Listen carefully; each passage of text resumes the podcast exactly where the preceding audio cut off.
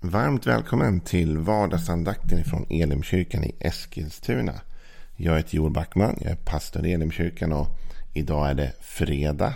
Härligt, början på helgen här snart. Vi får ta igen lite vila och hämta lite krafter igen. Om du vill veta mer om vår församling i Elimkyrkan, vilka vi är, vad vi tror på eller hur du kan komma i kontakt med oss så gå upp på www.elimkyrkan.com. Där hittar du all den information du kan behöva Gå gärna in och likea vår Facebook-sida. Då är det facebook.com elimeskilstuna. Eller gå in på YouTube och sök upp Elimkyrkan Eskilstuna. Så hittar du massa bra och spännande material som vi gör tillgängligt för dig. Idag ska vi avsluta lite tankar kring psalm 4. En psalm där vi faktiskt har eh, uppehållit oss de senaste två veckorna. Och du kan hitta de tidigare vardagsandakterna. ligger ju kvar på både elimkyrka.com och sen på iTunes eller var du nu lyssnar någonstans. Det är bara att gå upp och, och lyssna in det. Men även om du inte har hört de andra så gör det inget. För varje dag är en, ändå en ny tanke så att säga ur salmen. Ska vi läsa då psalm 4 för sista gången för den här perioden i alla fall. Svara mig när jag ropar. Gud, du som skaffar mig rätt. Du öppnar vägen när jag är trängd, visa mig nåd och hör min bön. Ni mäktiga, hur länge ska ni skymfa min heder, älska tomhet och bruka lögn? Ni ska veta att Herren har varit förunderligt god mot mig. Han hör när jag ropar till honom. Upprörs ni så synda inte. Säg där ni ligger på er bädd, var stilla. Ge rätta offer, förtrösta på Herren. Många säger, vem kan ge oss lycka? Herre, låt ditt ansikte lysa över oss. Av dig har jag fått en större glädje än de som har fått korn och vin i mängd. Jag lägger mig ner i frid och sover. Du, Herre, låter mig bo i trygghet. Nu har vi kommit till den sista versen. Eh, som vi var inne på lite grann den första delen igår. Men slutklämmen är det idag. Du, Herre, låter mig bo i trygghet. Som jag sa tidigare igår när vi hade den andakten att den här salmen har svängt väldigt mycket här. Från början då David är frustrerad, han ropar till Gud. Han känner att han har ingen utväg, han har inga valmöjligheter. Han ber Gud öppna en väg åt honom. Han har mäktiga fiender och, och problem emot sig. Så har vi gått från det ner till Du Herre låter mig bo i trygghet. Och jag lägger mig ner i frid och sover.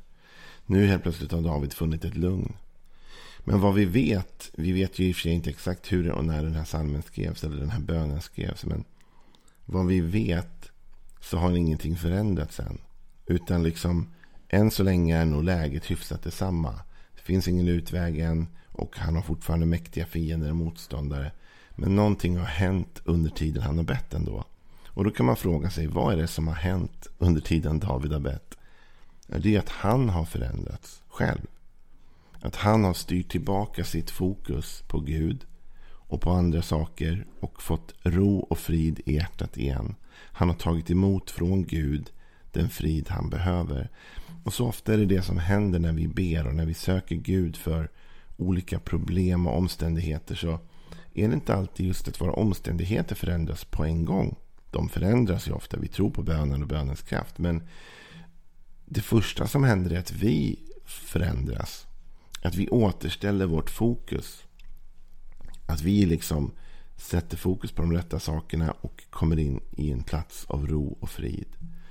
Och Jag har hört någon säga någon gång att det fasta framförallt gör är inte att det förändrar Gud utan det förändrar oss. Så när vi ber och fastar så förändras vi i bönen till Gud. Vi ställer om vårt fokus igen. Du Herre låter mig bo i trygghet.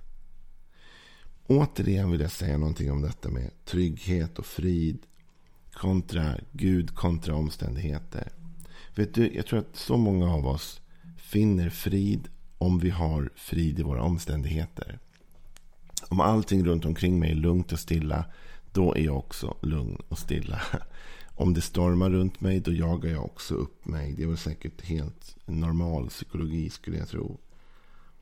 Och samma med tryggheten. Vi känner oss trygga när våra omständigheter ger oss skäl att känna oss trygga. Det vill säga om jag har gott om pengar på banken så jag inte behöver oroa mig för räkningar och annat. Då känner jag mig trygg ekonomiskt.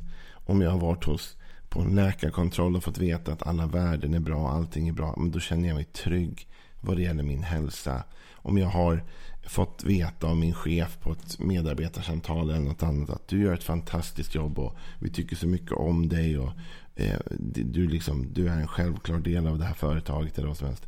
Då har jag en trygghet. Då känner jag mig trygg vad det gäller de bitarna. Så vår trygghet blir liksom satt i förhållande till allt runt omkring oss. Och det är ju inget fel så länge allting runt omkring oss är bra.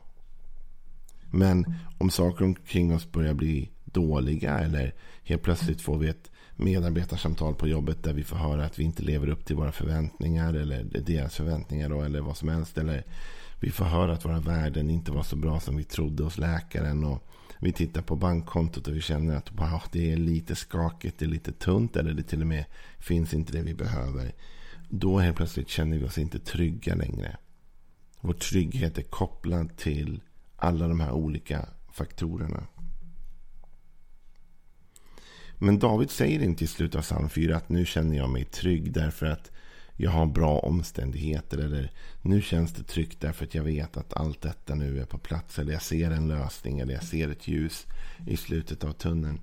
Utan det David säger är du Herre låter mig bo i trygghet. Du låter mig bo i trygghet. Och det där med att bo i trygghet. Det tycker jag är intressant att lägga märke till. Bo. Alltså när man bor någonstans. När man bor i sitt hus eller sitt hem. Då är det platsen man ständigt återkommer till, eller hur? Det är inte en plats man bara besöker. Ja, jag åkte och besökte den där platsen eller den platsen. Utan jag bor här. Jag återkommer alltid hit. Det här är mitt hem. Och att bo i trygghet det innebär att trygghet är en naturlig viloplats i livet. Det är inte något man bara har någon gång då och då. Det är inte en plats man besöker. Utan David säger du låter mig bo i trygghet. Med andra ord, mitt hem är tryggt, mitt liv är tryggt och det är det hela tiden. Min boplats är säker. Men inte på grund av mig själv, utan David säger Du låter mig bo i trygghet. Det som behöver hända i ditt och mitt liv om vi vill bo i trygghet, om vi vill kunna gå genom livet och känna en inre trygghet och frid oavsett vad som händer runt omkring oss. Oavsett om vi känner oss hotade att bli av med jobbet eller något annat. Hur kan jag ändå känna en trygghet i livet? Jo, det enda sättet att göra det, det är att skifta fokus från att min trygghet vilar i mina omständigheter till att min trygghet vilar i Gud. För vet du vad problemet är när vi har vår trygghet i våra omständigheter? Det är att våra omständigheter är förändringsbenägna. De ändrar sig. Det är inte ovanligt att saker eh, omkring, oss helt plötsligt blir något annat. Alltså en arbetssituation kan förändras. En relation kan förändras. En ekonomi kan förändras. Saker och ting, en hälsa förändras. Saker runt omkring oss är benägna att förändras. Kanske inte hela tiden och kanske inte liksom ofta ens, vad vet jag. Men det finns förr eller senare alltid förändring i alla områden av livet. Och då har vi ju ingen trygghet i det. För vi kan inte till fullo lita på det. Inte till 110 procent. Men Gud är densamme, säger Bibeln. Igår, idag och för evig tid. Och det innebär att om vi sätter vår trygghet i Gud så är vår trygghet i någonting evigt bestående. Inte någonting förändringsbart. Vi vet att om jag litar på Gud så kan jag verkligen lita på honom. För han är inte han förändras inte. Han ändrar sig inte. Utan han, han är lika trygg och trofast idag. Som han var trygg och trofast igår. Och som han kommer vara trygg och trofast imorgon. Så vi vet att om vi litar på Gud. Så har vi satt vår tillit och vår tro till värden som kommer att bestå över tid.